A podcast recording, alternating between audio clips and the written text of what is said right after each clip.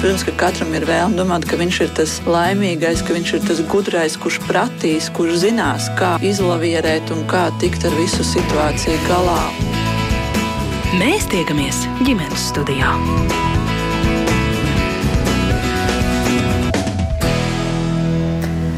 Labdien, no Latvijas Rādio 1 ģimenes studijas jūs sveicina Agnese Linka un arī visa šī raidījuma radošā komanda.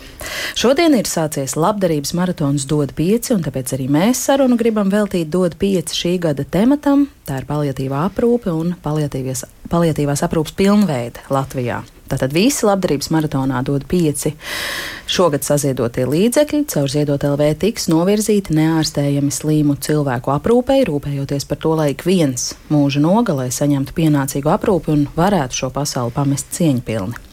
Bet kā noteikt ģimenes prioritātes, ja kāds no tās locekļiem ir ilgstošā paliatīvajā aprūpē un kāda palīdzība ir nepieciešama un kādu visbiežāk lūdz šādas ģimenes par šiem un, protams, arī citiem jautājumiem šodien ģimenes studijā saruna ar Rūtu Dimantu, labdarības organizācijas Ziedot LV vadītāju un kognitīvi behaviorālo psihoterapeiti Mariju Abeltiņu. Labdien! Labdien! Labdien. Es eh, sākšu ar jautājumu droši vien, ka vēlreiz, vēlreiz un uh, par ļaunu nenāks vēlreiz atkārtot un definēt, kas ir paliatīvā aprūpe. Tas nevienmēr attiecas uh, tikai uz sirmgalviem. Jā, nu, paliatīva aprūpe ir tad, kad vairs medicīniski cilvēkam nevar palīdzēt. Tad mēs zinām, ka nevar izārstēt slimību. Eh, tā ir neatgriezeniska un uh, ir vajadzīga aprūpe, palietīva, lai nu, mazinātu simptomus, ja tautas valodā, nu, piemēram, sāpes vai uzlabotu dzīves kvalitāti. Un tas tiešām nav tikai no dzīves nogalē, pārsvarā, protams, dzīves nogalē, tad, kad cilvēks ir e, jau nespējīgs un kā mēs mīlam sarunāt, salīdzināt, ka zīdens un vecs cilvēks ir, ir diezgan līdzvērtīga aprūpe, var būt nevienmēr. Ja? Bet uh, palietīva aprūpe ir vajadzīga arī dažkārt bērniem, dažkārt pēc avārijas, ja, ja cilvēks pēc avārijas vairs nespēja atgūt teiksim, savas um, kustības spējas, vai, vai ir bojāts arī galvas smadzenes. Nu, teiksim, nu, tas ir ļoti, ļoti dažādas uh, lietas. Tas e, svarīgākais ir tas, ka cilvēks arī nespēja par sevi parūpēties. Tad ir vajadzīga šāda īpaša aprūpe, palietība. Gan atsāpināšana, gan psiholoģisks, emocionāls atbalsts. Nu, ne tikai arī šim pacientam, bet visai ģimenei būtībā. Mm. Un, e, pašlaik, e, ja mēs skatāmies no tāda valsts atbalsta, mēs bieži vien mm, izārstējam pacientu no insulta ieguldot ļoti daudz līdzekļus. Un, eh, ja viņš, piemēram, paliek nekustīgs vai nevar parunāt, vai nevar norīt eh, pārtiku, tad, ja viņam nenodrošina šādu palietīvu aprūpi, tad var gadīties, piemēram, ka pacients pēc tam nomirst no bada un slāpēm. Ja viņš ir, nevar pats pēst. Nu, tās ir tād, tād, varbūt tāds galējāks, bet uh, to mēs ikdienā, kā labdarības organizācija, saskaramies, ka cilvēkiem trūkst resursu, gan finansu, gan emocionālu, gan informatīvu, kā tikt galā, ja ģimenē ir nedziedinām, neārstējams slims uh, ģimenes loceklis. Kas šobrīd ir šo ģimeņu vajadzības un kas ir viņu rīcībā? Vai mēs varam tā lēnām soli pa solim liekot to bildi kopā iet cauri? Tajā, ja mēs runājam no tāda finansiāla atbalsta, tad tās, protams, ir desmit dienas palietīvā nodaļā slimnīcā, ko var eh, kā saka, ja jūs piesakieties pašā slimības sākumā, tad ir cerība, ka sanāks niks, jo, jo šāda atbalsta ir ļoti maz. Bet vēl ir ļoti svarīgi, ka šie cilvēki vislabāk jūtās mājās, protams, ja, ja tā ir dzīves nogale un trūkst tāda. Pirmkārt, finansiāli resursi, ja, jo tas ļoti dārgi. Iedomājieties, ja šī te, e, pali, e, enterālā pārtika, tātad pārtika, ko ievada patiešo teiksim, gastrostomu, ja, jo cilvēks nevar norīt.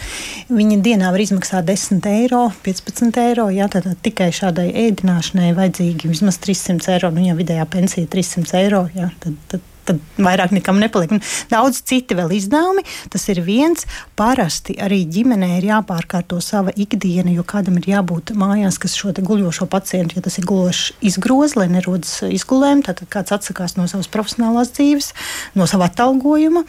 Vai arī, ja, ja ģimenē ir pietiekami resursi, viņi var algot aprūpētāju, bet no otras puses e, tā arī ir problēma. Jo tas ļoti smags darbs, iet aprūpēt svešu cilvēku. Ja, tas, tas nav viegli, un arī tas nav labi atalgots darbs. Nu, tur ļoti, ļoti daudz, ļoti daudz nu, šīs komponents droši vien arī pastāstīs, kā jūtās un ko tur darīt.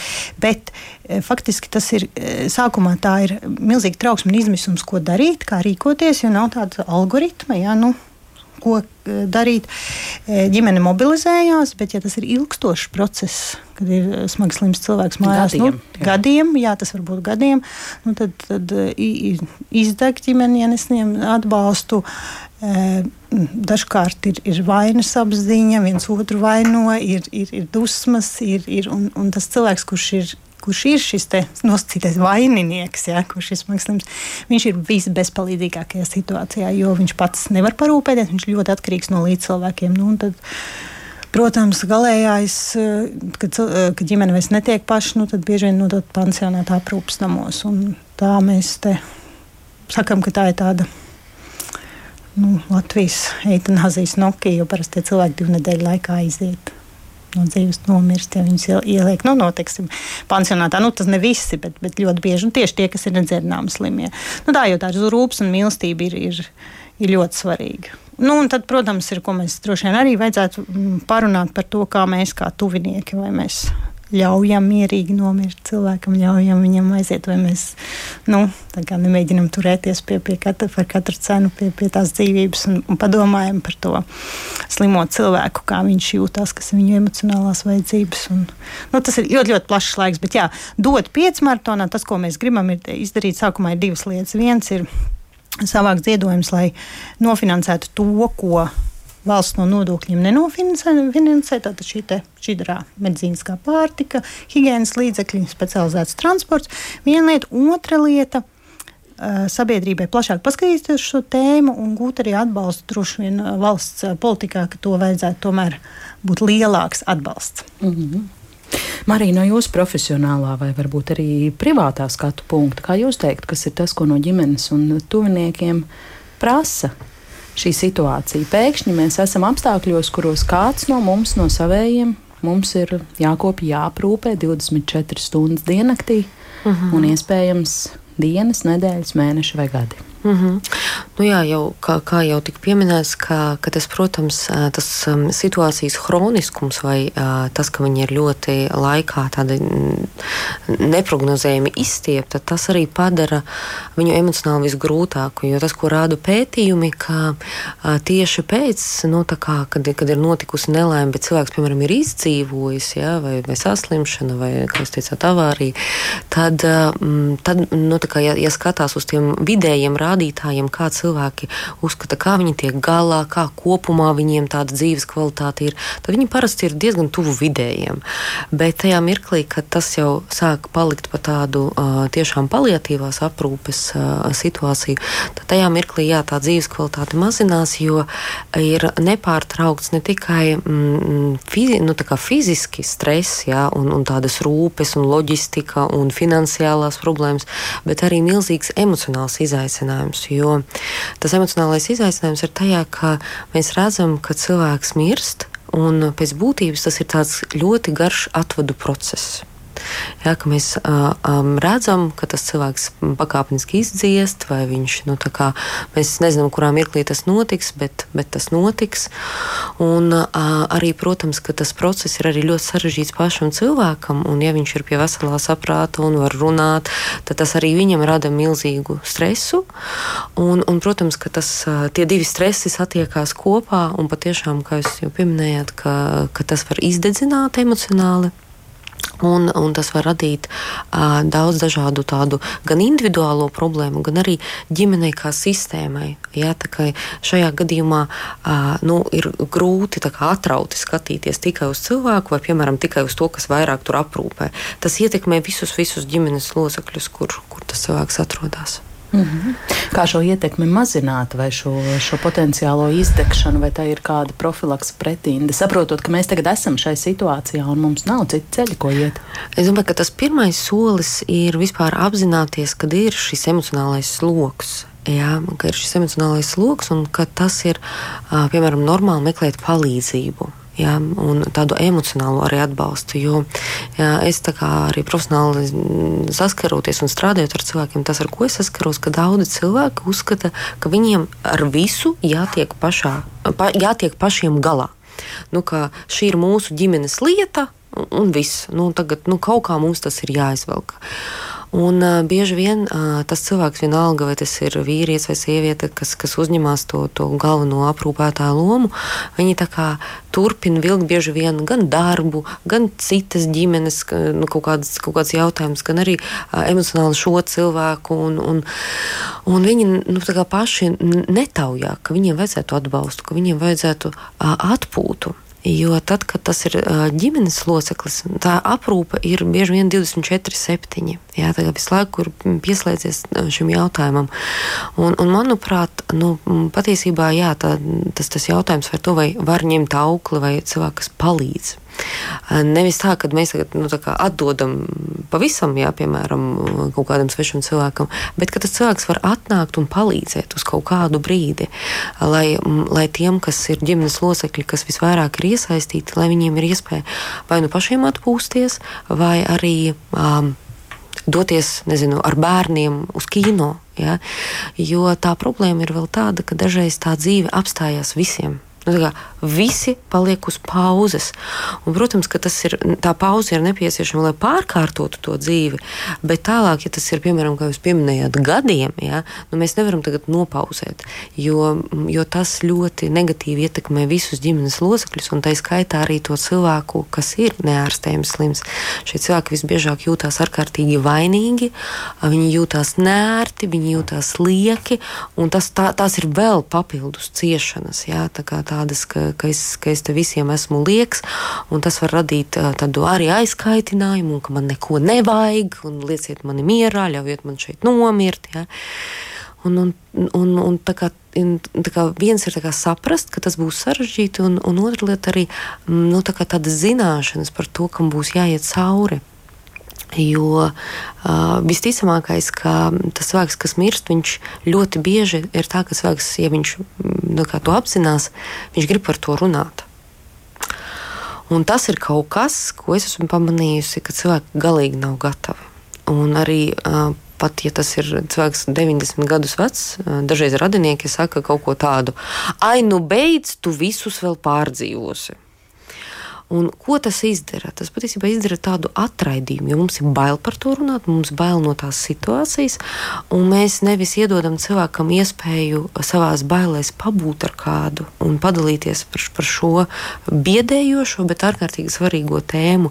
Bet mēs tā kā uzliekam tādu nē, ka šeit, ka šeit nedrīkst. Un ka tas arī ir nu, tāda arī emocionālā slodze, kur ir jābūt gataviem nu, to tēmu, iespējams, arī runāt. Jo tas ir cilvēkam svarīgi, ja, ja viņš saprot, kas ar viņu notiek.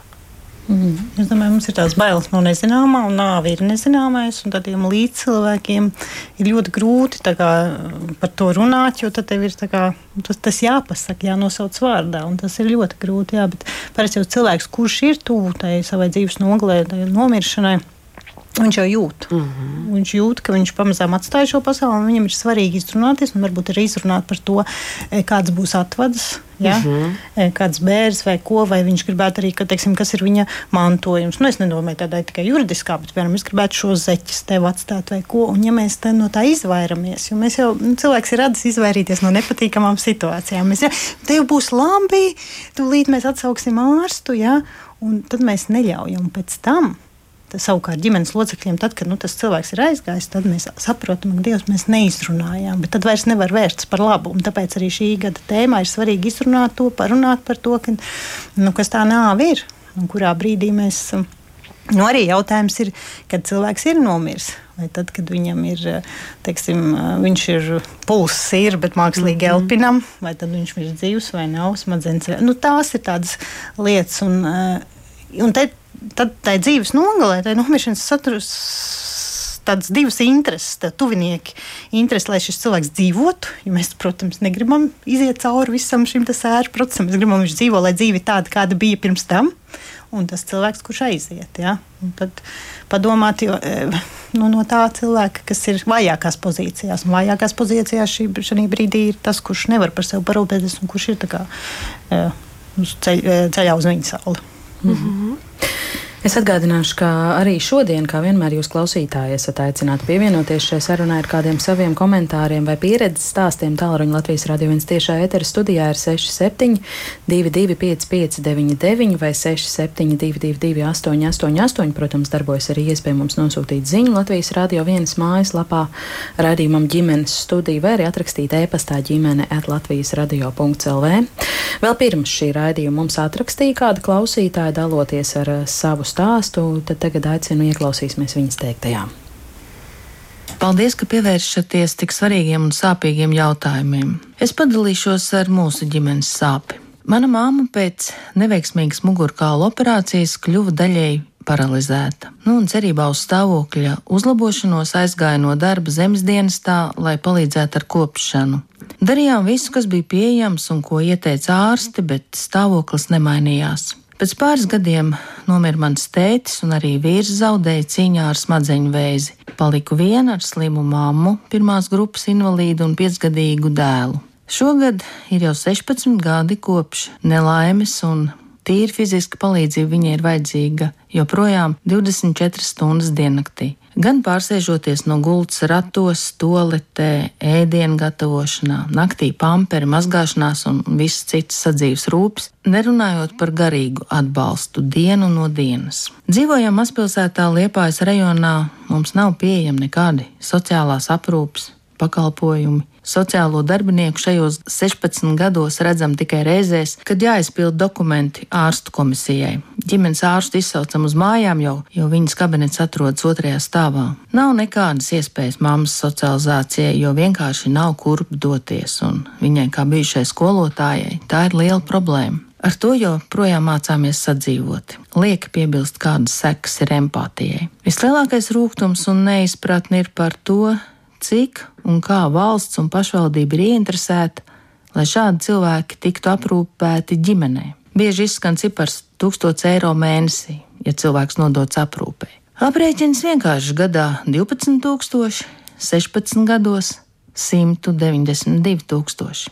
Jautājums, kurā kabinetā un kuru gudru cilvēku galvās rodas likumi un noteikumi, ka šis darbs 24 stundas diennaktī man, kā aprūpētājai, tiek novērtēts ar plus mīnus 18 eiro mēnesī.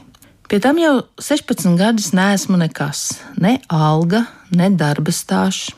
Kādu pensiju saņemšu, kad pienāks mans laiks, vai arī kļūšu par nastu saviem dēliem, kā sots par to, ka esmu rūpējies par savu mammu. Valsti morāli raksturo tas, kā ciena un rūpējas par saviem slimajiem un vecajiem. Vai arī joprojām aktuāli ir senā latviešu pasaka, ka vecīši jāliek ragavās un jāved uz mežu nomiršanai.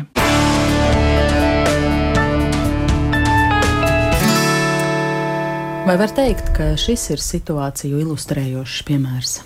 Jā, šis ir situāciju ilustrējušs piemērs. Arī šādi 16 gari gadi.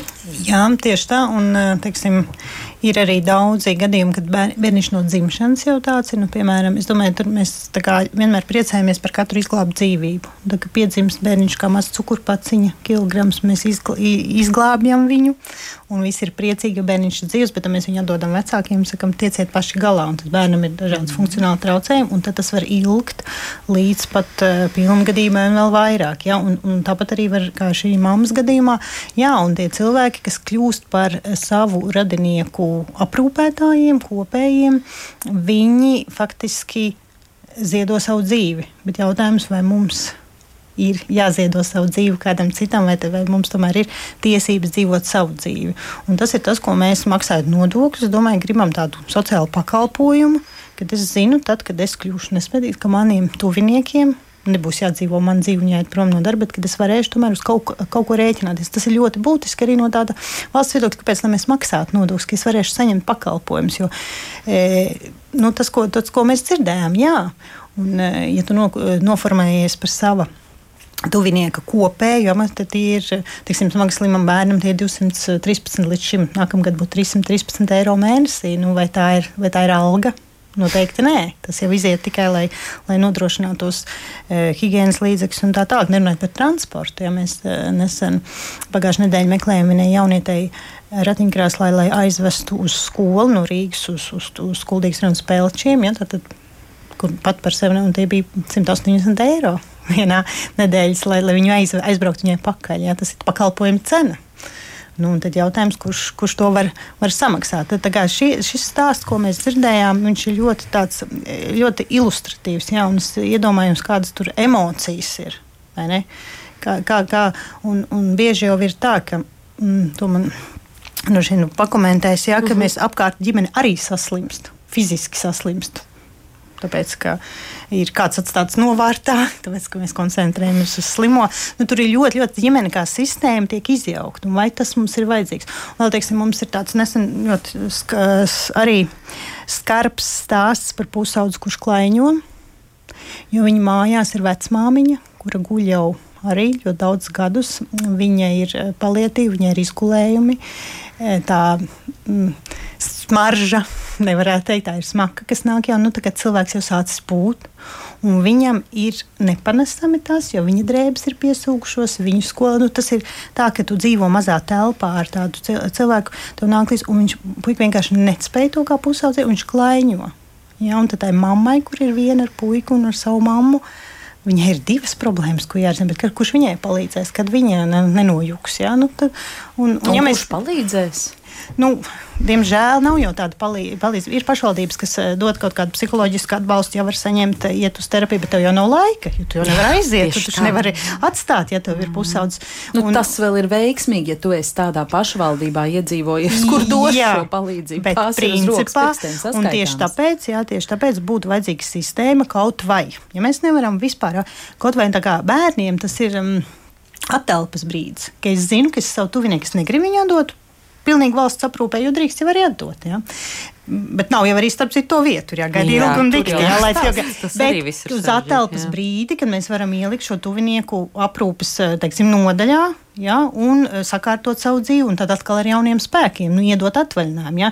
Algotā darbā mums pienāks jā. ar darba likums, ir noteicis atvaļinājumu. Šeit dzīvē atvaļinājums kopējiem, kas kop tuvinieki nav, un kur tad lai rot tos resursus? Nu, tās tās lietas, ka mēs nerunājam tikai e, par to e, cilvēku, kas mirst. Ja, mēs jau runājam par darba spēku. Latvijā trūkst darba spēku. Nu, ja, nu, katrs, kurš kopslimi aiziet no algota darba, ja, mums jau arī, ja mēs negribam emocionāli paraudzīties uz šīm ģimenēm, mēs varam ekonomiski paraudzīties uz ģimenēm. Kāds ir viņu pienesums? Jā. jā, ļoti racionāli paskatīties. Tas arī būtu pamats, teiksim, ka tad, kad valsts eh, kaut kādu programmu e, veido, neskatīties šiem cilvēkiem tikai kā izdevumiem bet paskatīties uz viņu ģimeni kopumā. Man ir tāda deja vu sajūta, jo 2015. gads un akcija noņem ģimeni no pauzes par, par smagi slimiem bērniem. Būtībā mēs runājam par to pašu. Ir četri gadi mm. pagājuši, mm. kur mēs esam. Kamēr tu pats neiekāptais kurpēs un es to piedzīvoju, ir ļoti grūti. Es domāju, no, no lēmuma pieņēmēja puses, ja, to akceptēt. Bet tad, kad tu, tu saskaries, tev ir tā tiešā saskara, tad reizēm kā ar, ar mietu papīru. Ja? Un, un es domāju, ka acīm redzot, nu, cilvēki nav saskārušies, vai arī ir spējuši finansiāli to nodrošināt. Ja mums nu pat ienāca viens palīdzības lūgums dot piecu sakarā, kur ģimene algo kopēju pa dienu 35 eiro. Viņi Dienā. Maksā, jā, viņi maksā uz rokas. Nu, kā saka, viņi atrodas štantī, nu tad padomājiet, ja, cik tas ir mēnesī. Ja jūs gribētu 21 darba dienu, ja, reiz 35, ja, tie ir 700 pār eiro. Tātad kādam ģimenei ir jānopelna tā mm -hmm. nauda, lai atdotu algo. Tas ir, tas ir tā kā tu bērniņš, ka tev ir maziņš līdz bērnu dārzam, tu uh, algo aukli un vēl piemaksā, bet tu zini konkrēti nogriezni, kad tas beigsies. Ja? Mm -hmm. Un šeit nogriež nav. Un tas arī ļoti grūti izturēt situāciju, kurai nav gala punkta. Mm. Jā, un es domāju, ka tā emocionālā izolācija arī ir nu, milzīga. Vismaz tajā, ko es, ko es, ko es dzirdēju, tajā stāstā ir ārkārtīgi daudz arī skumju. Uh, jo arī par to visticamākais, ka nav arī tās socializācijas iespējas, uh, un arī attālpa līdz ar to arī pašam kopējam, un arī tāda emocionālā pārslēgšanās arī tam cilvēkam. Un, un es domāju, arī, jā, ka tas, tas ir jautājums arī par to, par mums, par visiem, par līdzcilvēkiem, kā mēs reaģējam, ja mēs redzam, ka ka kaimiņš, draugs, paziņa nu, pazūd no, no, no redzesloka. Ah, nu, tur kopj mammu, vai tur kopj vēl kādu, vai veco mammu. Un vai mēs, vai mēs meklējam to cilvēku, vai mēs gaidām, ka viņš palūgs mums palīdzību. Ja? Ka man liekas, ka no tāda, um, es absolūti piekrītu visiem tiem institucionāliem risinājumiem, es zinu, ka ir pašvaldības, kur arī sociālais dienas kā, dot kaut, kaut kādu atbalstu arī kā kopēju izskatā un tā tālāk, bet tur arī ir daudz un dažādas nianses, cik daudz tas ir iespējams un, un cik daudz tas ir pieejams. Bet es arī domāju, nu, nu tādā tīri cilvēcīgā veidā, vai ir iespēja nu, sameklēt rokā to cilvēku. Un varbūt, ja pat mēs neesam tuvākie draugi un radinieki, nu, iedot tam cilvēkam atvaļinājumu, vismaz tādā cilvēcīgā līmenī. Pateikt, ok, es varu šodien pasēdēt, nezinu, tās 3-4 stundas pieskatīt, ja, piemēram, ir cilvēks, kuru vajag visu laiku uzraudzīt. Ja, un tu vari aiziet, nezinu, uz parku ar savu dēlu, pastaigāties un, un to laiku nedomāt, nesatraukties, viss būs labi. Ja. Ka man liekas, ka tas ir ļoti svarīgi patiešām tās brīvdienas un atpūta, tāpēc ka tad mēs atgūstam resursus. Ja tas ir nepārtraukti ar nu, tādu atvērtu to noslēgumu, ja tu nekad nezini, kad tas beigsies, tas, eh, nu, tas noēd to iekšējo mūsu spēju tikt galā, izturēt, un arī tas patiešām ļoti ietekmē pārējos ģimenes locekļus, jo eh, nu, nav nekāds noslēpums, ka kopējiem var arī būt eh, nu, beigu beigās arī depresija pašiem, ja, ka viņi paši paliek iespējams kopjami ar laiku. Ja? Un, ja tajā ģimenē ir vēl mazi bērni, tad jā, kas notiek ar viņu vajadzībām? Ka, šeit, ka šī situācija prasa ārkārtīgi tādu nosvērtu kompromisu, kur ir tā cilvēka, kas aiziet vajadzības, un tā cilvēka, kas, to cilvēku, kas paliek vai kas turpinās dzīvot. Ja? Ka mēs varam to, to sabalansēt. Un, protams, ka tāds valsts atbalsts finansiālais varētu būt tas, kas ļauj pēc tam teikt cilvēkiem, ok, lūdzu, ņemiet, izmantojiet, un uh, tad, tad atgūstaties ja, no tās situācijas, lai jūs varētu turpināt dzīvot savu mm. dzīvi. Ja, tas ir arī, jā, varbūt kamēr mēs gaidām uz valsti, mēs varam arī paši kaut, kaut ko darīt. Un, un man liekas, arī tāda labdarības maratona tāpēc ir lieliski, nu, ka tas ir kaut kas, kamēr mēs vēl institucionāli nevaram, bet mēs vismaz kā cilvēki tam pieslēdzamies. Un ja mēs pieslēdzamies kā cilvēki, tad ir cerība, ka arī tie cilvēki kuri nu, mūs pārstāv un kas ir nu, lemtspējīgi tādā valsts līmenī, ka viņi nu, arī sāks domāt līdzīgā veidā. Mm -hmm. Un tieši tā dot pieci maratona mērķis ir sākumā palīdzēt šiem cilvēkiem tīri finansiāli. Jo iedomājieties to izmisumu, ka tev ir jākopts šis cilvēks, bet tu zini, ka tev pat nav naudas, lai nopirktu. Nu, Teiksim, to enterālo medicīnisko pārtiku. Nu, tevis ir atkarīgs no mirs padāvājs, lāpēs vai nē. Nu, tas, tas ir tā, tā briesmīgs. Tieši tāpēc mēs sākotnēji par ziedojumiem, e, tātad tie, kas visi klausās, jādod 5.lv mājaslapā ir pieteikuma anketa, kur var pieteikt savu, kādas vajadzības ir teiksim, e, finansiāls. Ja? Tad mēs varam apmaksāt šo pārtiku, mēs varam apmaksāt uh, higiēnas līdzekļus. Tie arī teiksim, nevienmēr, nevienmēr ir kompensējumi. Teiksim, mm -hmm. Visi paladziņi, tīrīši, nu, ja nevar nomazgāt savus ietiem mazgāšanas līdzekļus, tāds.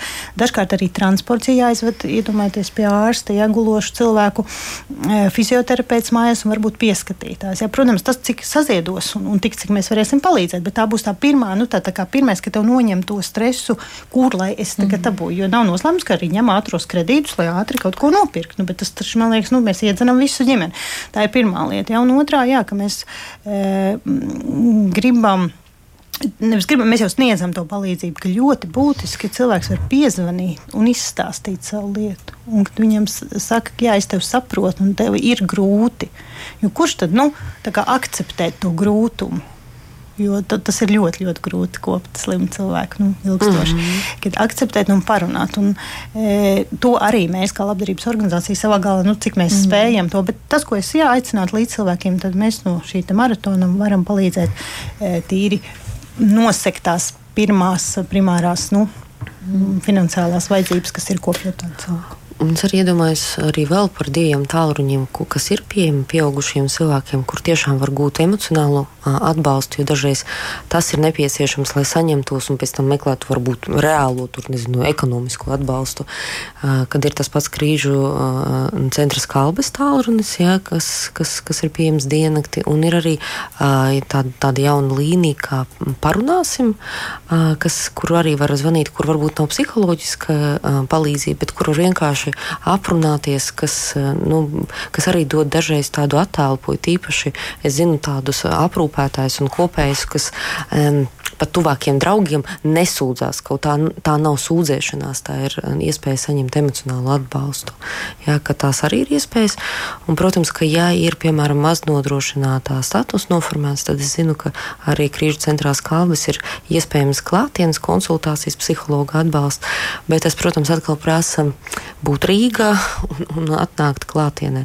Bet, nu, varbūt kāds no rīzniekiem, ja to nezina, tad tāda iespēja arī eksistē. Mm -hmm. Tātad divi divi nosaukumi šai sakarā jāatcerās - skalbes un parunāsim. Mm -hmm. Vai mums ir eh, skaitļi, cik mums ir šādi ģimeņi? Tāda skaitļa nav, jo tad, kad mēs jau arī gatavojāmies tieši šim maratonam, tie skaitļi ļoti dažādi, ko sauc valsts iesniedz. Skaidrs, ka tādā palietīvā aprūpē viņi skaitļi ļoti mainās. Ja mēs zinām, cik gadā piedzimst bērni, bet mēs nezinām, cik nomirst teiksim, šodien vai rīt tieši palietīvā, bet kāds 6-7 tūkstoši tie varētu būt.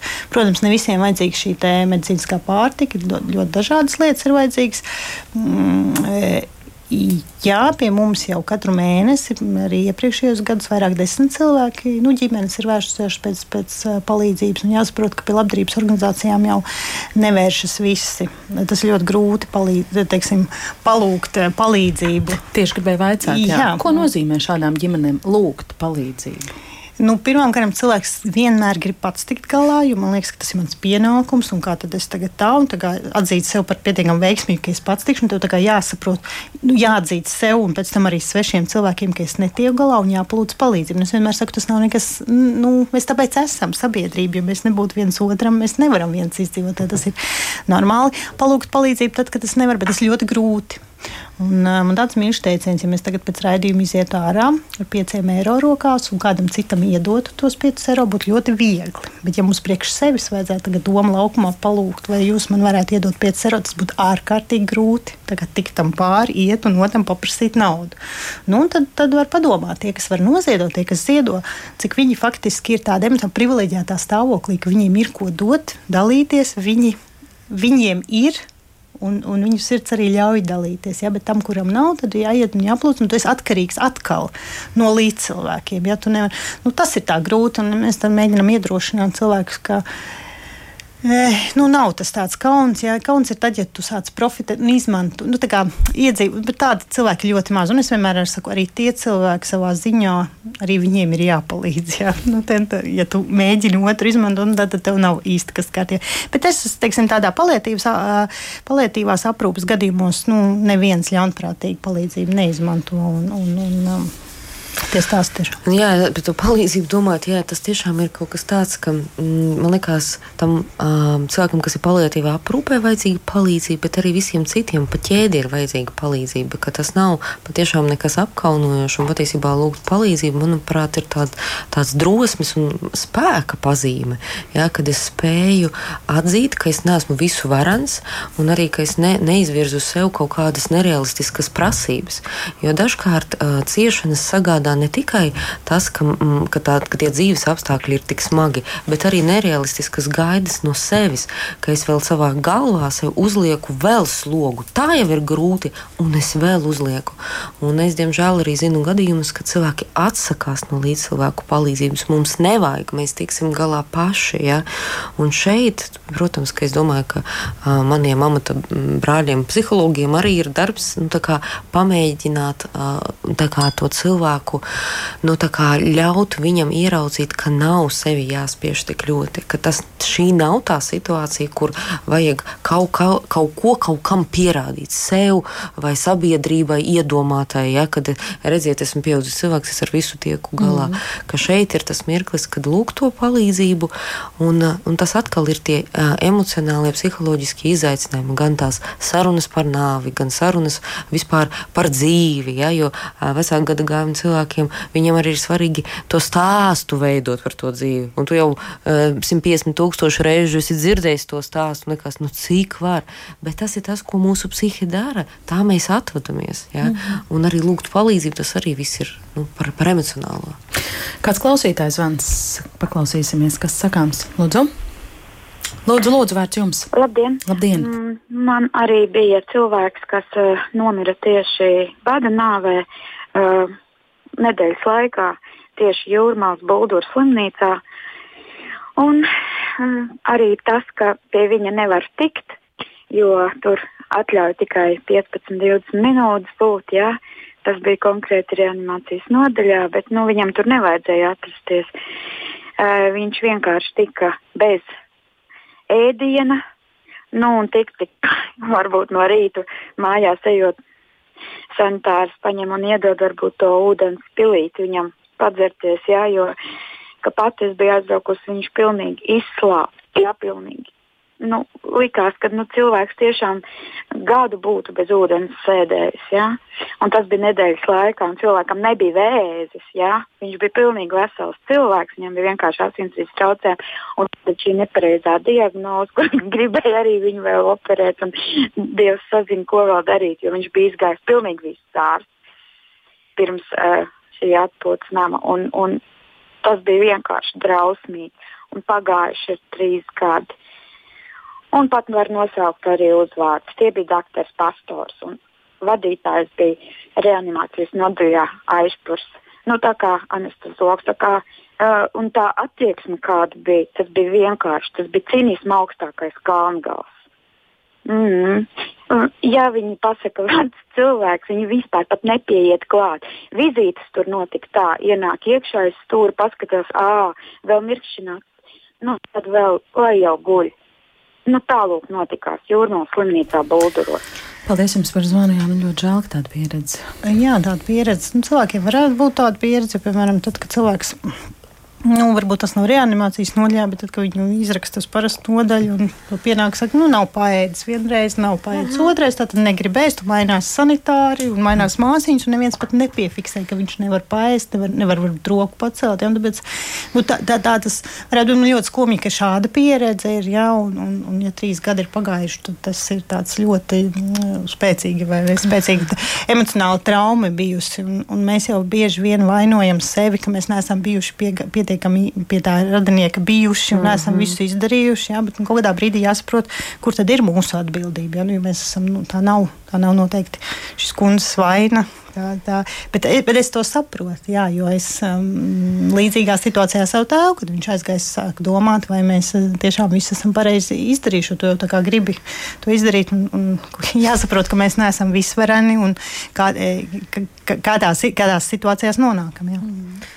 Un es domāju, tas, protams, ir atsevišķs stāsts par, par cilvēkiem, kas, kas ir kopēji institūcijās. Man, diemžēl, arī nu, bija sanācis vērot to darbu, kas tur notiek. Es redzu, ka ir daļa cilvēku, kas ļoti godprātīgi pilda šos pienākumus, un arī kas varbūt spēj būt empātiski. Bet, diemžēl, daļa cilvēku, iespējams, tāpēc, ka tas darbs ir ārkārtīgi smags un emocionāli to ir ļoti grūti izturēt, mūsu smadzenes dažreiz atslēdzas, ka mēs fiziski atnākam uz darbu, bet emocionāli neatnākam.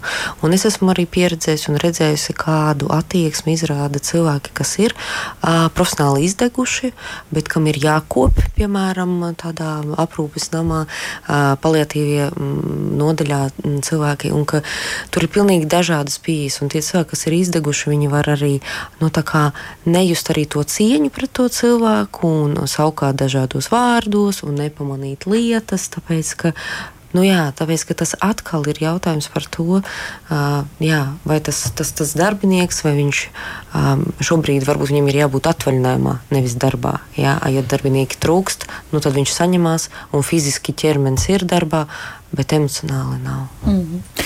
Es gribu pakāpties dažus soļus atpakaļ pie Rūtas pieminētā uh, pusauģa, pie šī hrestomātiskā stāsta par to, ka zēns klāņo un neiet mājās, un vēl dažas minūtes tomēr veltīt tam eh, šai problēmai, kas varbūt tiešām nogrimst visu citu pārējo bažu un rūpju gūzmā par bērniem un pusauģiem, kuri atrodas šādā ģimenē, kur viņi ir spiest noskatīties uz to, kas, kas notiek. Um, Kas notiek ar jaunu cilvēku, kad viņš ir spiests uh, ilgāku laiku, varbūt ļoti ilgstoši, tiešām uh, saskarties ar tādas lēnas, mokošas nāves klātbūtni savā ikdienā?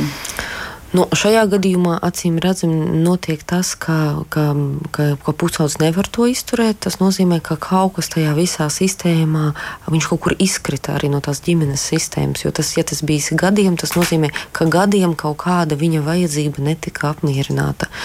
Un tas, protams, no, tas ir tas jautājums par to, kā mēs, mēs nepazaudējam visus citus ģimenes locekļus un nesakam bērniem, ka pagaidi, pagaidi, pagaidi. pagaidi nu, ka, jā, kad, cik, ilgi viņš var to, to, to gaidīt. Pienāk pusauģu gadu, viņš vairs negaida. Tas, es domāju, ir tas jautājums, jā, kā mēs varam sadalīt savus iekšējos resursus kā pieauguši cilvēki, kuri radinieki, kuri draugi mums var palīdzēt, un arī izskaidrot tam bērnam un būt ar viņa emocijām, ar viņa protestu, ar viņa bēdām, ar viņa bailēm. Ja? Jo tur arī ir jāiztur ļoti daudz, kas, daudz jautājumu, daudz varbūt kaut kādu emocionālu emocionālo reakciju. Un tas nozīmē, ka tas, kas aprūpē to, to cilvēku, kas mirst, viņam ir vēl jābūt spējīgam tādas neikdienišķas emocijas tam bērnam izturēt. Un, ja viņi ir vairāki, tad tos vairākus. Tas nozīmē, cik daudz tam cilvēkam vajag iekšējo resursu un palīdzību, lai to resursu visu laiku papildinātu. Jo atvaļinājums vienu nedēļu vai divas nedēļas gadā te nepalīdzēs. Ja? Te jābūt regulāri katrai nedēļai kaut kas, kā es uzpildos, lai es varu nepazaudēt tos bērnus. Jo, protams, ka priekš viņiem tas, nu, jā, ja pēkšņi nav neviena pieaugušā, kas, kas viņiem pievērš uzmanību, tas ir. Nu, man negribās teikt, pamests novārtā, bet nu, tuvu tam. Mm. Jā, un tā mammai jau ir vainas apziņa par to, jo viņi jau to nedara apzināti. Viņi, to, viņi labprāt viņam pievērstos. Un tur tā, tā konkrētā gadījumā tur arī par dzīves telpu, ka viņam nav atsevišķa istaba tam pusaudzim. Mm. Mēs zinām, cik svarīgi tajā pusaudža vecumā ir, kā, lai tev būtu savs kaktiņš, bet ja tev ir blakus visi tie aparāti vai, vai tas eh, cilvēks, kas čūlo un culo, nu tas ir, tu jau ne, kā pusaudzis jau redz savu ideālo dzīvi, mm. kāda viņam būs skaista dzīve, bet te viņam blakus patiesībā e, viens radinieks sapūst. Manifestē nāvi. Jā, un, un, un es domāju, tur, tur ir ļoti, ļoti, ļoti grūti, un nu, to mēs nevaram ar tādu finansiālu, ja? mm. vienkārši iedodot naudu atrisināt. Mēs varam sakārtot kā pakalpojumu, ja? lai, lai tad ir kāds, kas nāk, un, un vēl kas ir ļoti traki. Es domāju, ka tad, kad tev varbūt pat ir nauda noalgot šo kopēju, kur tu lai viņu dabūtu? Jā, tas ir vēl. Nu, uz, mums pat nav tādas eh, iespējas eh, vērsties pašvaldībā vai, vai sociālā dienestā un sakot, man ir vajadzīgs cilvēks. Tur saka, ziniet, nav cilvēku, jo neviens negrib to darbu strādāt. Jo tiešām, kurš no mums trijām ir gatavs tagad iet eh, kopt šādu cilvēku, tas ir fiziski, emocionāli grūti, tas ir maz apmaksāts darbs. Nu, tas ir vēl par tādām, tādiem jautājumiem.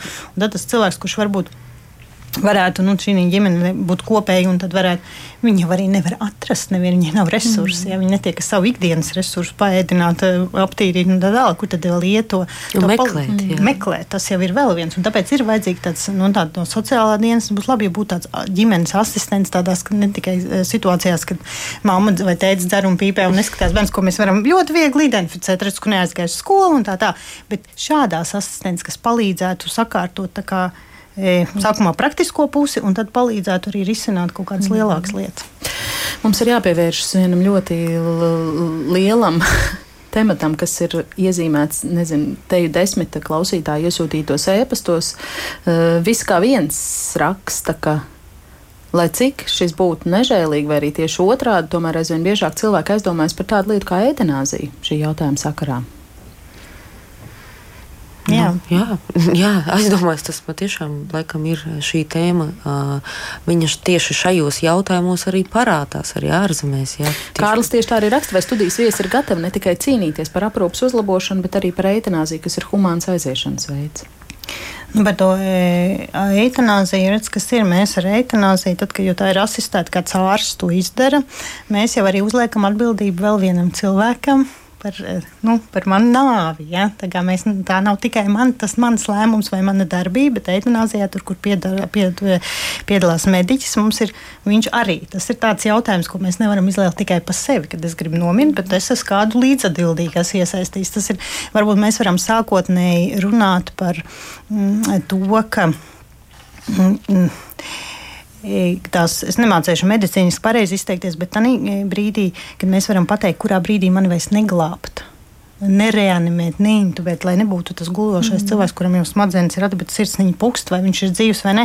Un tā kā ļaut to, to, tās terapijas sev izvēlēties, bet neuzlikt vienmēr atbildību otram par, par to uh, nāvi. Man gan šausmīgi šis mm. koncepts, ka mēs runājot par paliatīvās mm. aprūpes, ne pilnībām mm. aktualizētu jautājumu par eitanāziju kā izēju. Šajā kontekstā es, ļoti skarbs. Kā. Es domāju, ka tas vienkārši tāds no, normāls vēl viens tēmas pavērsiens. Es domāju, ka tādai diskusijai ir jābūt. Un, un, uh, Bet no... ne tādēļ, ka paliatīvā aprūpe pie mums tas nav risinājums. Tas ir lēmums, jo, ja cilvēkam ilgstoši sāp un mēs nevaram dot viņam morfiju tik daudz, jo mums ir bail, ka e, lielās devas dēļ viņš nomirs un nedodam tik daudz morfiju, morfiju un neatsāpinām. Nu, tas ir nu, tā arī ļoti konkrēta situācija. Bet, tā, bet tas ir par to, ka, mm. lai neapsūdzētu, ka tu esi nogalinājis pacientu. Ja? Tās, tas ir tā palietība aprūpe, ja tev ļoti sāp un tev neviens nevar palīdzēt, tad tev ir, es uzskatu, ir tiesības izlemt par mm. savu, savu dzīvi, ja? par šo eitanāziju vai pašu asistētu un kā tur tā aiziešana. Ja? Diemžēl ļoti Jā. maz laika ir atlicis. Stunda atkal gandrīz stunda ir palidojusi vējas pārniem ģimenes studijā, bet, lai noslēgtu mūsu sarunu, tomēr uz nedaudz gaišāks nots. Es šobrīd gribētu piepildīt mūsu sarunai vēl kādu dalībnieku. Tas ir desmitgadīgais Gustavs Pužulis, kurš uh, izrādās ir kvēls raidstacijas piecēlvē fans. Un pirmo reizi pirms diviem gadiem dod pieci akcijā 2017. gadā, kas bija veltīts sistēmas bērnu atbalstam. Gustavs gāja ziedot savu naudiņu, un uh, kopā ar māmu Dainu viņš uh, piekrita atnākt un ģimenes studijai šeit radio arī pastāstīt pastāstīt par eh, saviem apsvērumiem. Paklausīsimies! Es vienkārši ieraudzīju, ka ir tāds piecēlājums, tad sāku klausīties. Tad uh, viņi teica, ka viņi ziedos to naudu bērnam, un es izdomāju noziedot.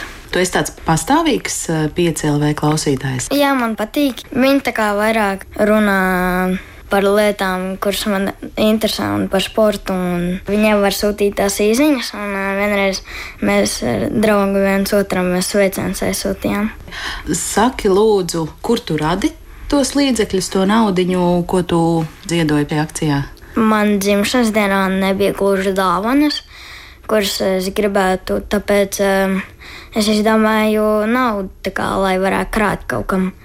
Un tad es uh, ieraudzīju to akciju, un es domāju, ka es jau krāju mantām, bet viņi jau mēģina tā kā, lai cits samet to naudu un uh, viņam ēdieniem. Tāpēc es izdomāju, ka viņiem noziedot to naudu. Ja nav noslēpums, cik liela bija tā summa, no kuras tu šķīries ziedojot? 30, jā. 30 eiro, jā? Jā. Bet uh, nebija neviena brīdi žēl, jo tā tomēr ir diezgan liela summa. Nē, jo tik un tā man e, pērk mantas, bet viņiem tā kā nepērk katru dienu kaut ko, ko viņi grib. Vai jūs mājās ar saviem tuviniekiem vai skolā, varbūt kādās mācību stundās, esat runājuši par to, kāpēc ir vērts ziedot naudu? Mājās pirms tam, bet skolām Es neesmu atcerējies, kad mēs esam par to runājuši. Citi tavi draugi, klases biedri, vienaudži, kādas šādas ziedošanas arī ir veikuši? E, jā, man bija vienreiz tas draugs līdzi ar mums, viņš bija, un tad um, viņš arī noziedoja. Un tad tu klausies arī akcijas laikā to, kā tur tas viss norit, ja? Radio un to translāciju no tās stikla studijas. Jā, es um, klausos arī vēlāk, cik viņi ir tur uh, saziedojuši, jo es zinu, es dzirdēju, ka daži cilvēki pat ir simtus noziedojuši. Vai šogad tu domā piedalīties akcijā? Jā, nu, tur viņi paši no rīta teica, ka, ja tev bankā aizien, no, tā kā noliec un tad tu dabū mazāk nekā ir tos nolīdz. Tur to, ko tu esi sakarājis, sīka nauda. Jā. Un tāpēc mēs vienkārši nolikām tur, kur met tās monētas. Noliksim. À, tev ir plāns, ka tu nesīsi tur nolikt kaut kādu jā. monētu daudzumu, jā? Labi, jā. Kā tu vēroji, kā mamma no malas visu šo procesu? Kāds pārdoms tevī varbūt tas raisīja? Nu, pirmkārt, varētu teikt, tas bija tiešām viņa lēmums. Viņam bija astoņi gadi, un varbūt mazliet domājot par to, ka tas varbūt ir spontāns lēmums, mēs ar vīru pārjautājām un sapratām, ka tas gustam ir nopietni. Un uh, arī domājot, kādēļ, teiksim, astoņgadīgam bērnam šī interese radusies, es domāju, tieši tādēļ, ka šīs akcijas vadītāji paši ar tādu sirdi un deksmu to dara. Viņi par to runāja jau iepriekš, un tā jau, man liekas, tagad ir kā tāda Ziemassvētka, jau pirms svētku tāda tradīcija, par ko domāt.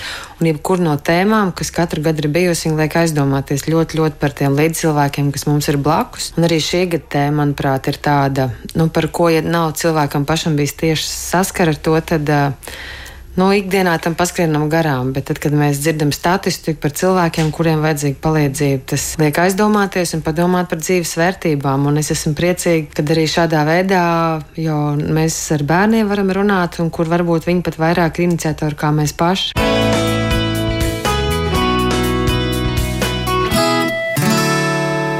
Tālāk, Gustavs un viņa mamma, varbūt pavisam īsi kāds komentārs. Jā, Gustav, paldies tev, sirsnīgs, sirsnīgs paldies. Manuprāt, tu izaugsi par jau, esi jau empātisks cilvēks, un jo vairāk sabiedrībā būs tāda empātiska cilvēka, kas spēj paraudzīties arī apkārt un pasniegt roku, jo mēs katrs būsim laimīgāks un, um, teiksim, dzīvosim tādu harmoniskāku dzīvi. Tas tikai no mums ir atkarīgs, no mūsu rīcībām.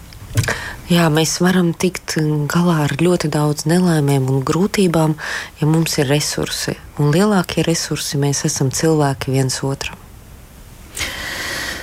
To liksim aiz auss. Aktīvi līdz pat 23. decembrim dosim pieci Un paldies par sarunu šodien ģimenes studijā. Es saku savām, savām viesņām, tā bija eh, kognitīva behaviorālā psihoterapeita Marija Abeltiņa un labdarības organizācijas Ziedot LV vadītāja Rūta Dimanta. Paldies, ka atnācāt. Un no jums klausītāji šobrīd atvadās arī ģimenes studijas autoru kolektīvs. Šodien Ilza Zvaigzne, Kristaps Eidu un es Agnese Linka, bet eh, rīt šajā laikā saruna par ģimenes kopīgām maltītēm un kādu devumu tas visiem mums var dot. Kā laži aicināsim jūs uz diskusiju ģimenes studijā. Visu labu un uz sadzirdēšanos!